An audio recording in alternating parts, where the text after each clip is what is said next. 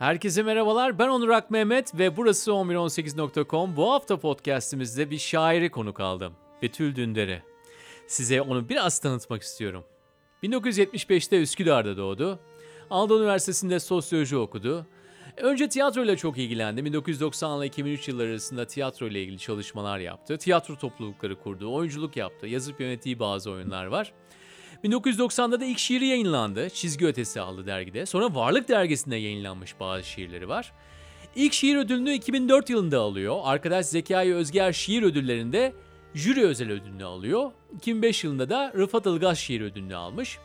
İlk kitabı yine o yıllarda 2005'te çıkmış. Ayna Yorgunluğu adında. İkinci şiir kitabı da 2013 yılında Başka Dünyalar İçinde adıyla çıkmış. Yine o yıllarda yani 2013'te Mimar Sinan'da bir yüksek lisans tezi yapıyor. Şairler arasında kadın olmak konusunu işliyor ve bunu sonra kitap olarak da bastırıyor. Betül gün içinde bir felsefe öğretmeni. Üstün yetenekli çocuklara felsefe öğretiyor. Son şiir kitabından bir alıntıyla başlayayım eğer madem felsefe öğreten bu şairi size tanıtacaksam. Unutmanın Kısa Tarihi adlı kitabından bir alıntı. Nietzsche'den. İnsan tam zamanında unutmayı ve tam zamanında anımsamayı bilmeli diyor Nietzsche. Bu sohbet de işte unuttuklarımızı anımsadığımız sürprizli bir sohbet oldu. Buyurun dinlemeye diyorum. Ee, ben şunu öğrendim senin hakkında. İlkokuldan geldiğin zaman e, kendini Selimiye'de bir semt kütüphanesine atarmışsın. Ve ben o semt kütüphanesini biliyorum. Aman. Ve İstanbul'da en sevdiğim yerlerden bir tanesi. Çünkü zaten Selim, Selimiye'yi seviyorum orada büyüdün. Ee, ama orası sanki şehir içinde şehir e, hissi verir. Yani böyle kırsalda bir yerde bir his verir sana. Bir, bir kaybolabileceğin bir yerde. Çoksa iki katlı bir yer. Ee, ve öğrendim ki herhalde doğru. Sen okuldan geldiğin zaman alt katta çocuk kitapları var. Oraya atıyorsun kendini ilk başta. Ama aynı zamanda da yukarı kata gitmek istiyorsun çünkü yukarıda da büyük kitapları var. Tam da öyle Ne kadar şey. güzel bir mizansen. Yani benim hemen gözümde mesela böyle bir şey belirebildi. Yani e, oraya dair aslında iki iki başlı yürüyen bir şey var. Bir tanesi anne baba çalıştığı için. Tamam. Anahtar Ee, sende. Anahtar Eve bende. gitmek istemiyorsun. Evet. Değil mi? yani, Yalnız. E, evet o anda cazip olan şey ev değil. Evin koşulları Kütüphane. vesaire falan. Hani e, bir yere kadar evet e, korunaklı bir alan gibi ama işte ilkokul 1-2'deki hal. e, İkinci so- baş ne? İkinci baş hani oradan e, muhtemelen susayım sen sorarsın ben söyleyeyim. İkinci başta şöyle yani o teklik duygusu aslında hani kitaplara doğru gidiyorsun oradaki sosyalliğe da- dair bir yolculuğun var ama halbuki hani meselenin e, ana şeyi tek çocuk olmak dedim. Senin tek çocuk olman. evet benim tek çocuk olmak. Biraz daha açıklasana bunu Yani şimdi. şöyle şimdi dediğim gibi hani anne baba çalışıyor. E, tamam. Eee, dolayısıyla hani gelişleri İstanbul şartları. Annem benim şeyde Karaköy eee, Bankalar Caddesi'nde bankada çalışan bir kadın. Ha, hakeza babam da gene eee Balmumcu'da çalışıyor. Dolayısıyla hani onların işte köprü geçmek vesaire bunlar bahsettiğimiz tabii 80'lerin başı ihtilal sonrası Evet. falan olan süreç yani. Ben ihtilal olmuş iki sene sonra hani artık hani okumuş ve yazma Tam da eee, yerindesin bu arada. Yani. Tam Selimiye'desin, yerindeyim. evet. Selimiye Kışlası'nın dibinde bu arada şey yani e, onun diyeceğim yani oradaki o e, evredeki imajlar zaten o ikinci başı oluşturuyor. Yani teksin e, bulunduğun yer tam anlamıyla bir şey. Haki yeşil bir yer aslında ve o kadar e, nizamlı yani bütün mahallenin yaşantısı da çok nizamlı ve kontrol altında çünkü gizli bir kontrol var yani ister istemez. Orada emekli tabii subaylar da yaşar Emekli genelde. Hı. subaylar var. Hemen alt taraf ordu evi. Hem subay hem az subay ayrımının çok net olduğu zamanlar. Dolayısıyla hani komşuların arasındaki hiyerarşiyi, oradaki o rütbenin ne kadar önemli olduğunu tırnak içinde hani bizden uzak olsun.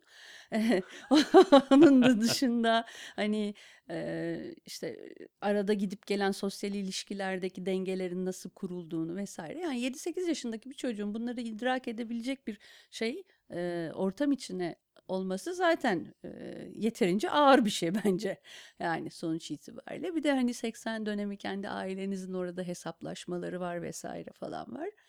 E, biz de böyle muhtarlığın yolu, parkın yolu olan Selimiye Kışlası'nın ana kapısından çıkış yapılırdı. E, muhtemelen de zaten hani her hafta birileri yolcu edilirdi Albay Paşa e, cenazeleri. Ve o geçitlerin altında Camiden bahsediyorsunuz. Oradaki Yok camide yok genel... camiden Ha, çıkmıyor. Yok, ca- Selimiye camiden çıkmıyor. Kışlanın Selimiye Kışlası'nın ana kapısı, yukarıdaki ana kapısı orası açılır ve garnizondan e, cenazeler çıkardı. Yani bunlar şimdiki gibi işte çatışma cenazesi falan değil. Ne Yani- onlar? E, şey diyelim ki Kemal Paşa öldü. Kemal Paşa'nın cenazesi gidiyor ve res, şey resmi törenle geçiş yapılıyor. Dolayısıyla Camide kılınmıyor mu peki? E, Orada güzel bir, tane cami var avlusu olan. Yani kışladan mı çıkıyordu kış, cenazeler? kışladan çıkıyordu. Hmm. Kışladan çıkıyordu. Ben öyle bir cami ritüeli falan oradan yok hayır. Askeri cenazelerin o dönem herhalde başka bir e, şeyi vardı, ritüeli vardı ki hani oradan başlar bildiğin merasim müziğiyle dön dön dön oraya kadar gider. Yani Sen Ben- bunu nerede izliyorsun peki? Yani ev- kapıdan çıkıyorum izliyorum. Son- Sonuçta bunun geldiğini görünce kapının dışına gidip izlemeye mi başlıyorsun? Yani, hayır yani bu şey gibi hani İstiklal Marşı bir yerde okunur ve sen e, eğer ki kulağına kadar gelirse zınk diye durursun yani öyle bir e, temrinden geçmiş ya bu toplum. Yani evet ben değilim. Evet. Ay tamam işte sen ben için demiyorum yani genel bir toplumsal şeydir ya. E, böyle olduğu zaman da bu cenazelerde yollar kesiliyor doğal olarak. Ama sen o atraksiyona gidiyorsun illa yani bu böyle hani böyle bir Ben bunu otoriteyi... seyrediyorum demiyorum. Ben bunu geneli söylüyorum. Bunlara maruz kalan bir çocukluktan bahsediyorum. Hmm. Ne bileyim bana çok Evet. eğlenceli geldi yani şu anda. Cenazelere bakmak. mı? E tabii yani bir Çok- bizim de evin önünden mesela fener alayları geçerdi. Çok hoşuma giderdi. Lo lo lo işte bir şeyler vardı, bir Ya şeyler bu, atılırdı. bu işte kışladan çıkar asker asker alayları bunlar. Hiç E, öyle tamam. fener alayı falan keyifli değil yani. ne bileyim yani. Şimdi bu e, işte öğle namazına mütakip efendim ikindiye mütakip ne zamansa geçiyor işte bu insanlar yani uğurluyorlar. Ve sen o sırada kütüphanedesin işte çocuk kütüphanesindesin. Ve tam da dediğin gibi Selimiye avlusu şeyin caminin avlusuna inen aynı ortak avluyu kullanan bir kütüphane burası ve dolayısıyla hani toplumsal olarak da şey olarak böyle A4 kağıdı gibi ortadan ikiye yarılmamış bu memleket. Dolayısıyla insanlar mesela ben e, aynı mahalleden bahsedersek e, Pinokyo bisikletimle işte e, Kur'an kursu hocalarının arasından geçip şortumla efendim bir o yerden kayıyordum. Bir buradan gidiyordum. Cami avlusunda bisiklete biniyordum. Yani biniyorduk yani oradaki arkadaşlarımla. Dolayısıyla hani şimdiki Selimiye o Selimiye değil. Onu söylemek isterim yani. Yakın zamanda da gittim. E, aynı e, kasabalılık devam etmiyor. Dolayısıyla başka bir sosyolojiye kavuşmuş durumda yani Türkiye'nin her yeri gibi.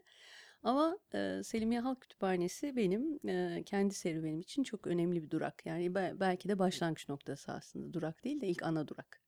Yani şimdi bu bana anlattıkların tabii hepsi kafamda görselleşiyor. Çünkü mekan var. Evet. Bildiğim de mekan birazcık. Ee, Hala senin faal bu arada. Ben Hala. öğrencilerimi de e, götürdüm. halk kütüphanesi evet hala Tabii, var. hı hı. Üye oldular falan. Onlar, bunlar devam ediyor. Yani çocuklar için yapılabilecek en güzel şeylerden bir tanesi. Kaynaklarını gördüm. Çok çoğaltmışlar. Senin resmini asmamışlar mı? Yok hayır şey. Yok zaten talep edilir mi öyle bir şey? ne bileyim kendilerinden yapmaları lazım.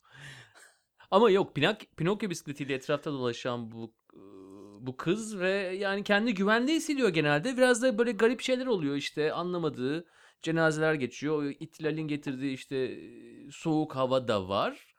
Ee, ama yani bu bu ne bileyim Ama travmatik o- bir tarafı yok yani güzel yani. Yani işte hani bazen soruyorlar ya işte ne, hani neden yazıyorsunuz? Ne- neden vesaire falan işte niye niye şiir? Niye şey falan. Ben ben herhalde en mantıklı söyleyebileceğim şeyin yani benim yazmak dışında e, bir artık kaçış noktam olamazdı gibi geliyor. Çünkü o kadar çok kitabın, o kadar çok okuma eyleminin içerisinde olmak e, bir noktadan sonra sizi oraya doğru iten bir şey geliyor. Yani Ne bileyim ansiklopedilere bakıp ondan sonra e, bilgi insanı da olabilirdin. Yani Ha, yazma akademik- anlamında o akademik tarafın da var zaten de.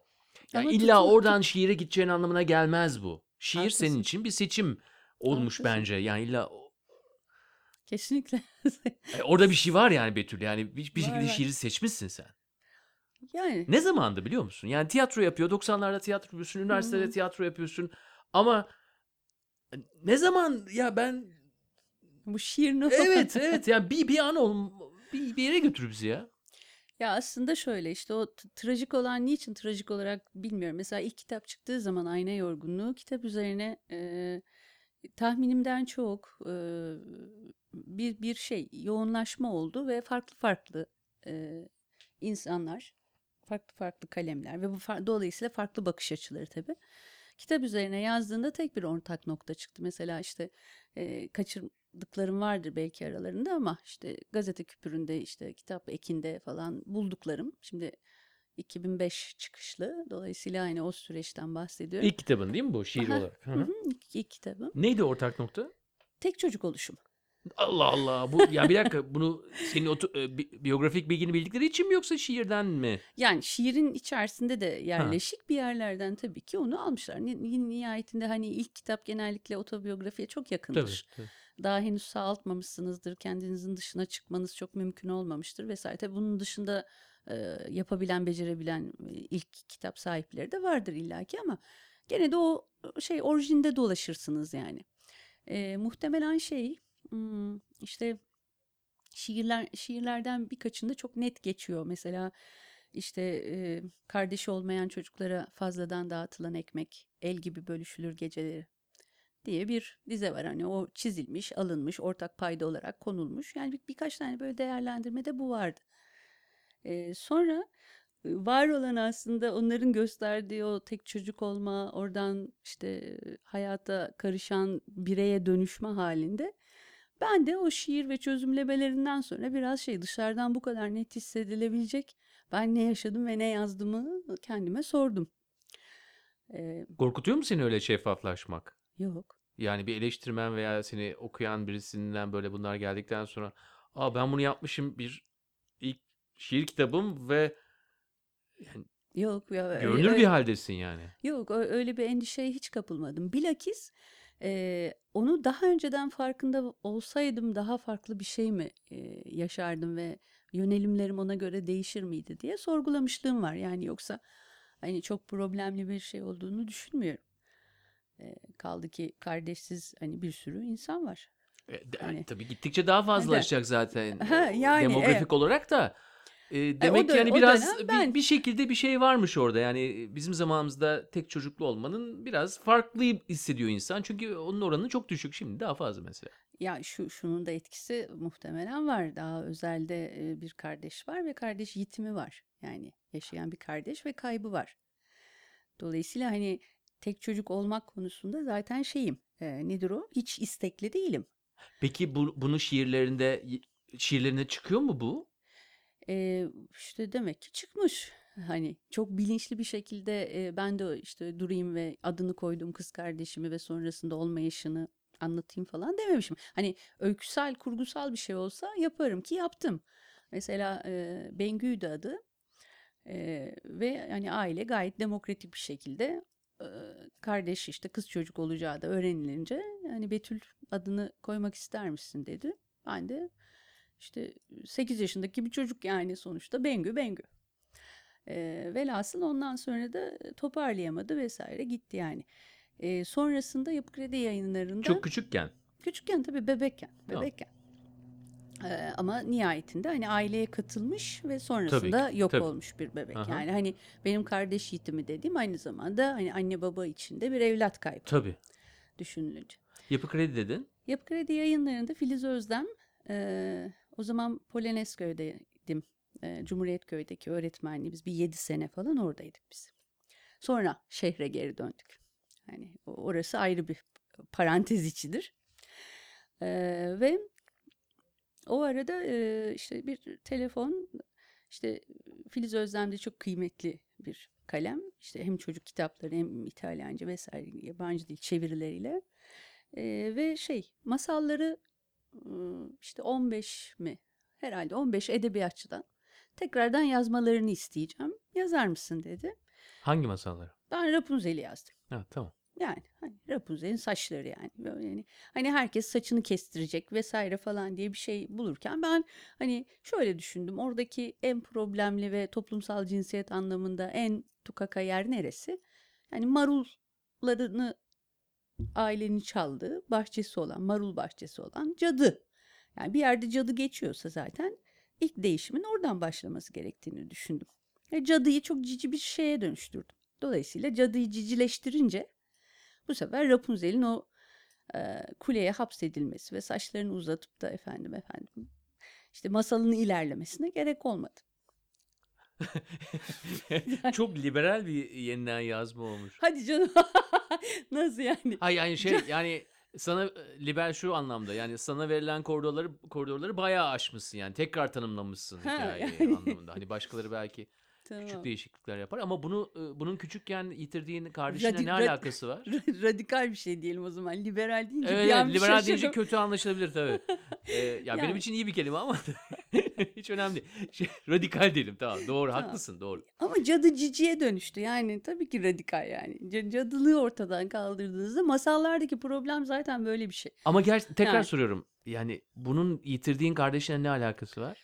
Bunu yazabilme becerisini bir şekilde gösterince Filiz Özlem dedi ki yani hem, hemen hemen arkasından geliyor. Yani masal eline ulaşmadan ya dedi ben senin çalışkan ol, çalışkan olduğunu düşünüyorum. Acaba dedi bir dedi şey daha önersem yazabilir misin? Nedir? Adının anlamına dair dedi. Bir derleme hazırlıyorum. Adının anlamına dair dedi. Bir metin oluşturabilir misin? Yani benim. Betül, Betül evet. aha. iffetli. Yani hani Arapça kök vesaire falan. Da işte ben e, evet dedim.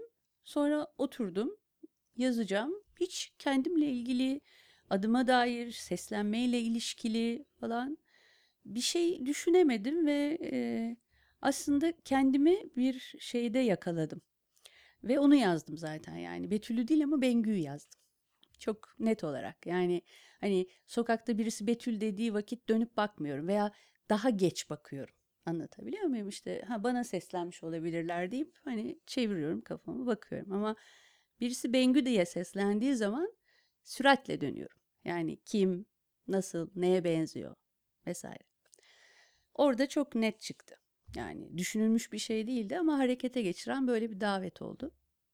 O yüzden dedim yani kurgusal olan şeyde daha fazla çıkıyor bu gibi durumlar.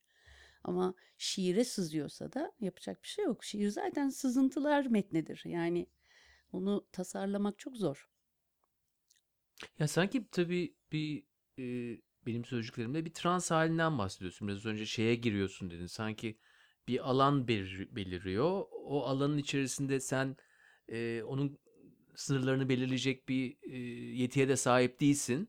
Değilim. E, ve orada da hani Betül yerine Bengü çıkabiliyor veya ne, ne- neyse o veya biraz o hani yani kardeş- ko- Ha. anksiyete yaratır yani bu kadar kontrolün senin elinden gitmesi. Çünkü onun hiçbir şekilde sınırlarını çizemiyorsun Betül. E, evet yani çember büyüyebiliyor. Bazen daraltıyorsun da. Mesela hani o sorunu unutmadım. Kaçırmıyorum bu arada. Zannetme ki.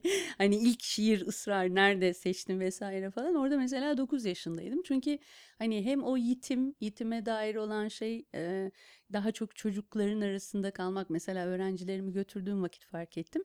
Aşağıda benim alanım olarak yani benim yaş grubumun alanı olarak e, tasarlanmış o dönem 80'lerde e, mekan. Şimdi mesela okul öncesi çocuklara göre ayarlanmış bir şey işte hani hmm, ne diyeyim puzzle yapabildikleri Hı hı. falan filan. Aslında üst kat tamamıyla açılmış. Çocuklar için dizayn edilmiş. Ee, yani benim 20 sene önceki 25-30 bilmiyorum şu an ay unuttum ben kaç sene önceki çocuktum. Yani o dönemki Ben söyleyeyim yani. yani o dönemki 83 gibi tabii oralardasın. 82-83. Ondan A- sonra ay- tabii aynen kardeşin öyle. eğitimi 84. Evet. Aha, yani işte eee, o mekanda yük, yük yani yukarıdaki kat aslında çocuklara e, verilmiş şu dönem. Eee, dolayısıyla ben oraya o sosyalliğe kaçarken artık o kelimeler geliyordu. Ama tek çocuk olmanın şöyle bir şey var. Siz eee, mümkün olduğunca monolog insanı olarak gidiyorsunuz. Yani diyaloğa girdiğim zaman mesela işte hani tiyatro ile ilişki hani mesela tiyatronun pratiğine dair bir soru gelse ve işte o ne zamandı işte sahne vesaire falan filan zaten kendi sahnenizi kendiniz oluşturuyorsunuz. Evin içerisindesiniz, yalnızsınız. Ve dolayısıyla sürekli bir monolog halindesiniz. İşte eee, senin için bir şeyler bırakılmış. Okuldan geldikten sonra yapabilirsin vesaire falan. Artık eee, ne kadar becerikliysen o gözetilerek tabii ki. Ve o arada sen şey yapıyorsun yani bir başka role giriyorsun. Tekrar işte evde seni bekleyen biri varmış gibi yapıyorsun. Mesela bir tane saka kuşum vardı. Hani kapıyı açtıktan sonra e, benim girdiğimi anlayınca e, öterdi hayvan. E, hatta olmadığım Şubat tatili arasında herhalde hayvan ölüyor. Ve gidiyor babam Mısır çarşısından tekrardan bir saka yerine koyuyor ki Betül geldiği vakit anlamasın ve üzülmesin diye. Yani çok da gözeten, duygularımı çok gözeten bir ailede büyüdüm. Ama işte hayat buna izin vermiyor. Yani ben içeri giriyorum, hayvanın beni tanıyıp ötmesi lazım. Hayvan bana mısın demiyor. Ben de nesi var onun diyorum. İşte hani diyor birkaç gün ayrı kaldınız falan alışması lazım unut yani şey yapmıyor. Ee, zaman tanıyalım falan. Zaman tanıyor Betül hayvana. Ama yok yani gene ötüş yok bir şey yok. Hani gene giriyorum e, onlar işteyken. Acaba ben ne yaptım diye Ben- düşünüyorsundur. Yani, yani- bir kırıcı bir şey mi söyledim? Bir şey mi? Yok muydum? Hani söylemem mi gerekiyordu bir şey? Yani ha- hayvan kendi hayvanlığını yaşıyor orada sonuç itibariyle. Öbürküyle diyaloğun başkaymış demek ki. Yani bir karşılama, bir beni gül ne olur gül.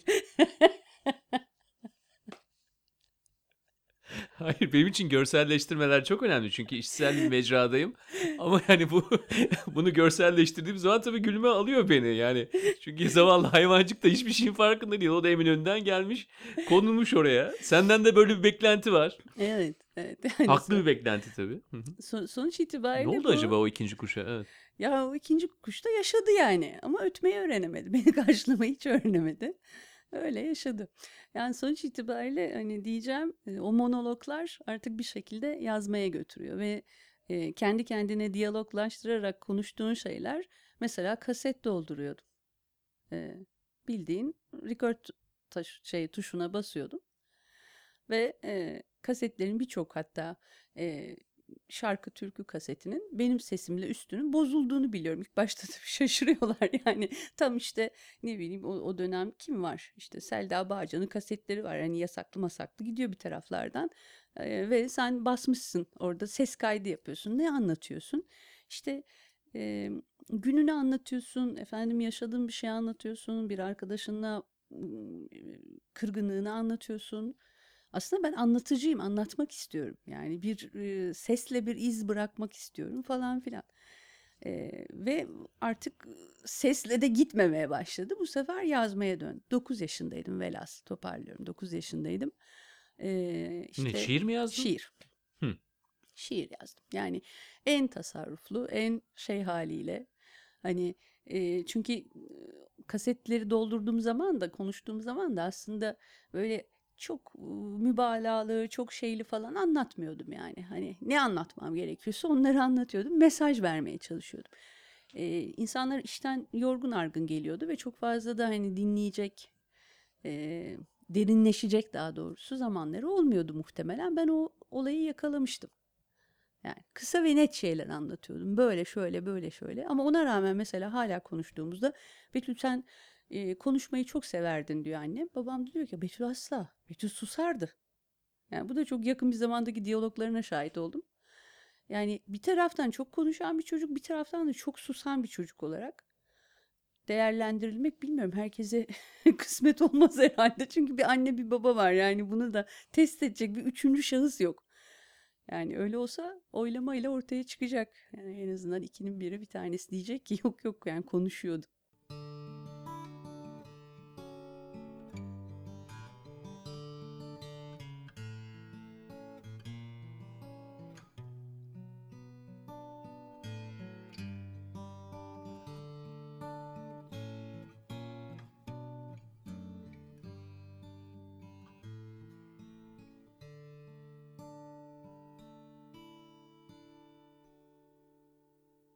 Aynı zamanda kadın şairlerle ilgili de bir çalışma yaptın onu kısaca bize anlatabilir misin O dönem şöyle bir şey oldu.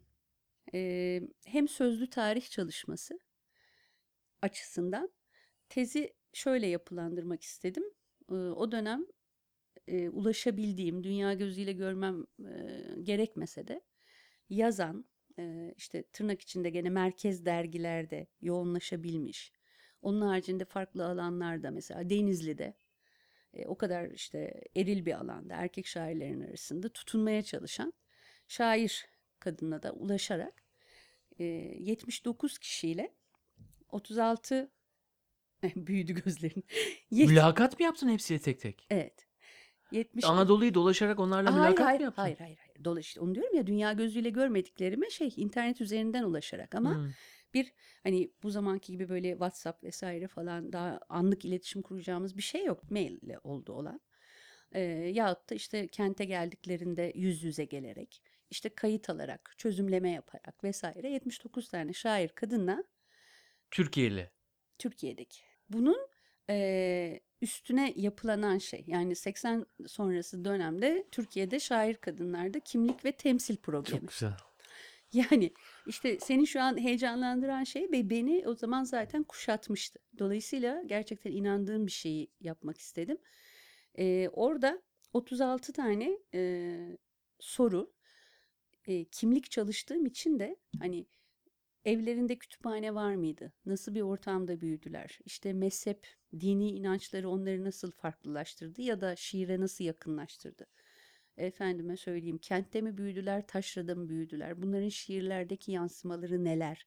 Gibi gibi gibi. Yani nihayetinde bu edebiyat sosyolojisine dair bir süreç olduğu için mümkün olduğunca o minvalde tutmaya çalıştım. Ve tez tam işte kuzeyin doğumu ve sonrasına artık teslim etmem gerekti. Bana verilen sürenin bittiğiydi. Ee, geldi ve çok da içime sinmeyen bir 250 sayfalık bir şeyle teslim ettim. Hem elimde söyleşiler e, vardı. Hatta jüri e, toplantısında en son kurulunda e, oradaki teze e, örnek göstererek tırnak içinde aldığım konuşmalardan, şairlerin konuşmalarından e, o kadar etkilenmişler ki. Mesela benim savunmamı şey diye almadı kimse. Yani Betül sen burada işte bu kimliklerin şöyle şöyle yapılandığını ve işte artık 1990'lar 2000'ler milenyum denilen bir zamanda bunun nasıl gerçekleşeceğine dair ortaya ne koyduğunu bunu bir de burada savun falan.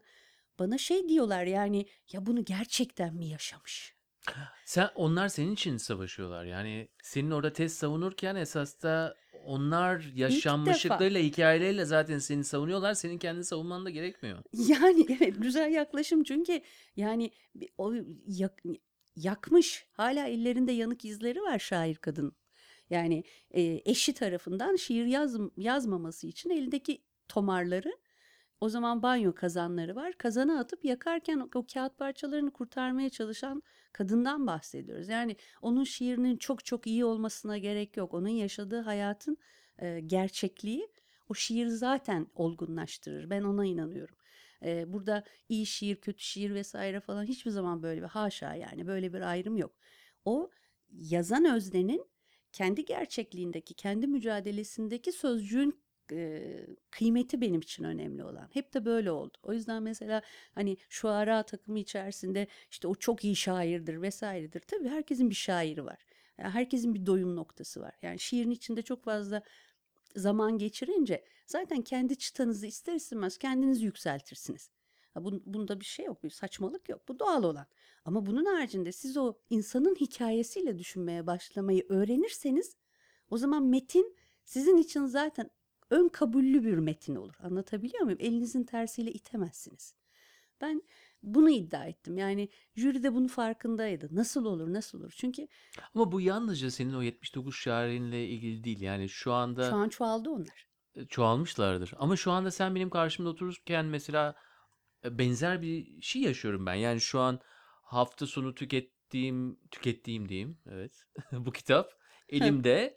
Ama pazartesi oluyor oturuyoruz mesela değil mi? Evet. Ben de o hikayeyi bilmek istiyorum. Çünkü e, bununla olan ilişkim o hikayeyi bildiğim zaman ki bununla olan ilişkimden çok daha farklı. Onun evvelinde çünkü sen yoksun şimdi sen varsın. Bir yere götüreyim mi seni? Olur. Ee, en başına götüreyim. Üç tane tabii alıntı var. Bunlar da bildiğimiz kişiler. Nietzsche, Borges ve Melih Cevdet Anday'dan. Ee, ve unutmak hakkında bunu biraz konuşalım mı? Çünkü biraz önce bahsettiklerimizle alakalı mı biraz bilmek istiyorum. Borges diyor ki hedef unutmaktır. Daha önce varmıştım diyor. Nietzsche diyor ki insan tam zamanda unutmayı ve tam zamanda anımsamayı bilmeli diyor. Melih Cevdet Anday da unutmayı bir hatırlasam diyor. Niye Betül bu üç kişiyi koydu? Nedir e, kişileri boş verelim. Yani niye unutmak veya hatırlamak? Senin için anlamı ne bunların? Ya çok hayati bir şey. Yani aslında orada en fazla tutunacağım Melih Cevdet.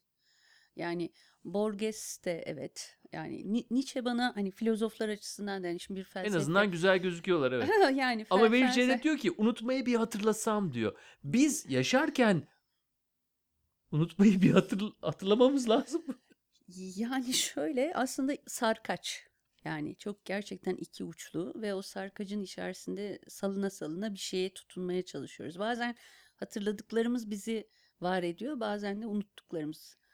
Ee, hani burada e, unutmanın kısa tarihinin o is- isim olarak ortaya çıkışı da biraz böyle bir şey. Çünkü her ikisi de çok kısa bellek. Yani dürtüldüğü zaman derinleşen ama e, nihai bir unutma yok. Yani bellek yitimine kadar yok. Hatta e, yani psikolojik e, vakalarda işte istatistik olarak yapılan düzenlemelerde işte yüzde bilmem kaç e, unutabiliyoruz. Ama biraz müdahale geldiği zaman yani en küçük bir nesne, en küçük bir obje, işte hatırlatma hareketi bu bizi çok kolay yoldan çıkarıyor ve biz tekrar o ana geri dönebiliyoruz. Yani yakın ve uzak olarak ayrılan kısma. Ee, o yüzden kısa tarih. Yani unutmaya çalışmak da benim için çok kısa bir deneyimdi. Unutamamak da öyle bir deneyim oldu. Yani onu fark etmek de kısa bir deneyim oldu işin açıkçası. O yüzden kısa tarihin içinde sıkışmasının bence makul bir tarafı var. Ama e, bu- hayat bunun üzerine şekilleniyor gibi geliyor bana. Yani affetmek diyoruz mesela. işte bağışlamak ya da her neyse o. Ee, bu, bunu neyin üzerine inşa edebiliriz?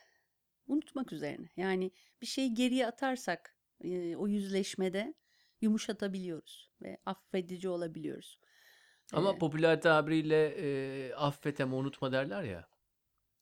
Ha yani hani çocuklar için de evet affeder ama unutmaz. Yani unut, unutmamak orada aslında vebalı bir durum. Yani unutmadığın zaman çünkü şey e, hatta evet haklısın. Mesela son dönemlerde genellikle şey bu hani daha meditasyonik bir şey. Yani affet ve yoluna devam et. Çünkü affetmemek ve e, bağışlamamak işte o hesaplaşmayla netleşmemek aynı zamanda çok ciddi bir yük. Evet senin üzerine büyük. Evet. Yük. Karşı O kişi- tarafın bunu hissetmesi mümkün değil.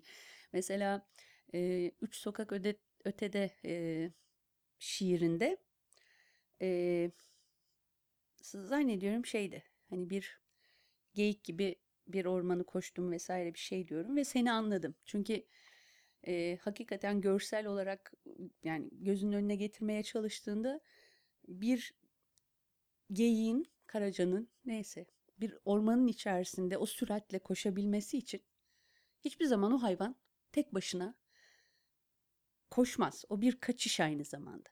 Çünkü avdır. Yani hani kaplanın koşuşu değil, geyiğin koşuşu. Anlatabiliyor muyum?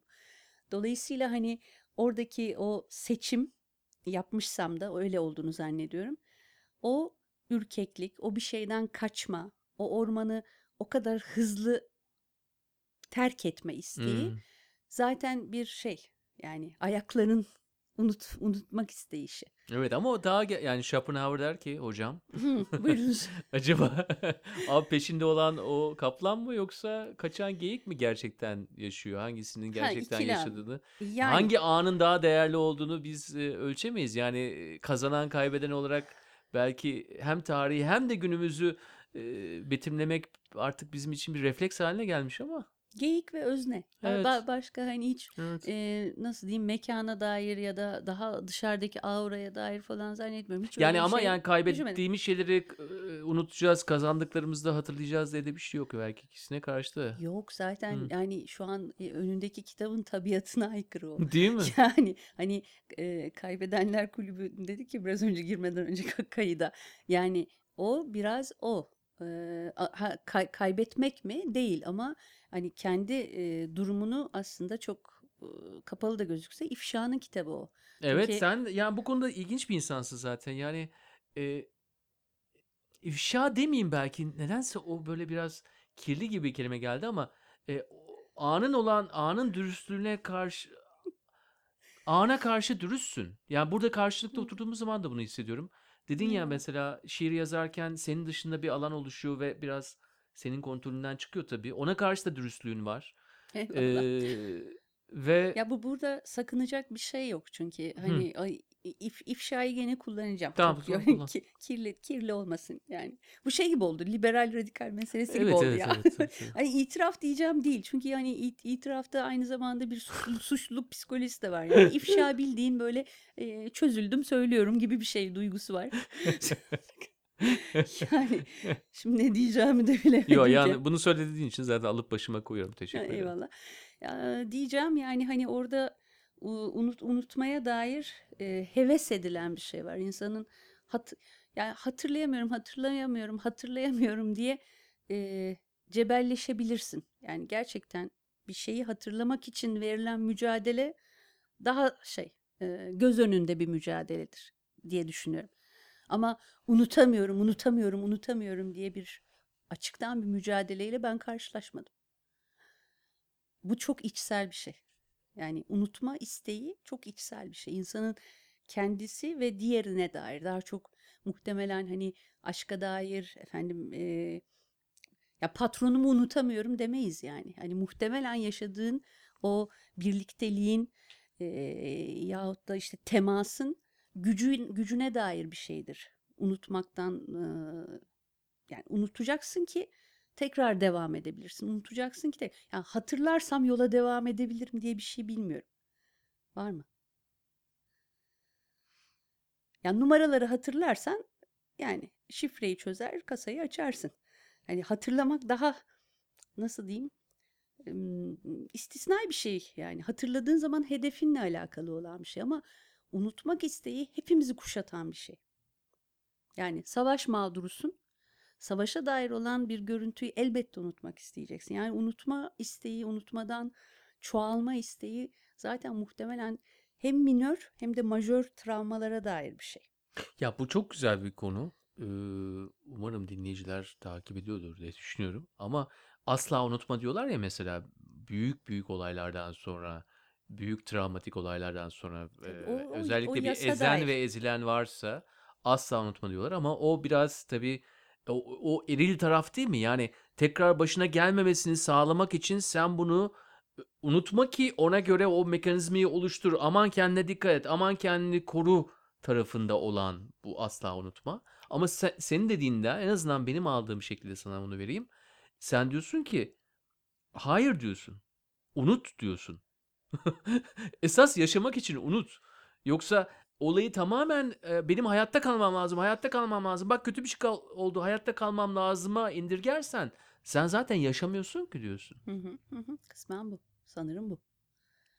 Yani Ve tekrar Bengü aklıma geldi şu anda ve hani kusura bakma bunu paylaşmam lazımdı ama bazen de benim kafamda görseller oluşuyor. Yani çünkü sen bunu bana ifşa ettin, söyledin Ee, hı hı. ve hani söylediğin şey kolay kolay bu biraz insanın şey. kafasından gidebilecek bir şey değil ya ben sana söyleyeyim. Bu kadar konuştuktan sonra onu sana söyleyebilirim. Yani ve ve dediğin şey de biraz radikal olabilir başka insan için. Yani kendi ses ismine cevap vermeyip e, senin kardeşine koyduğun isme cevap vermek, ona dönmek.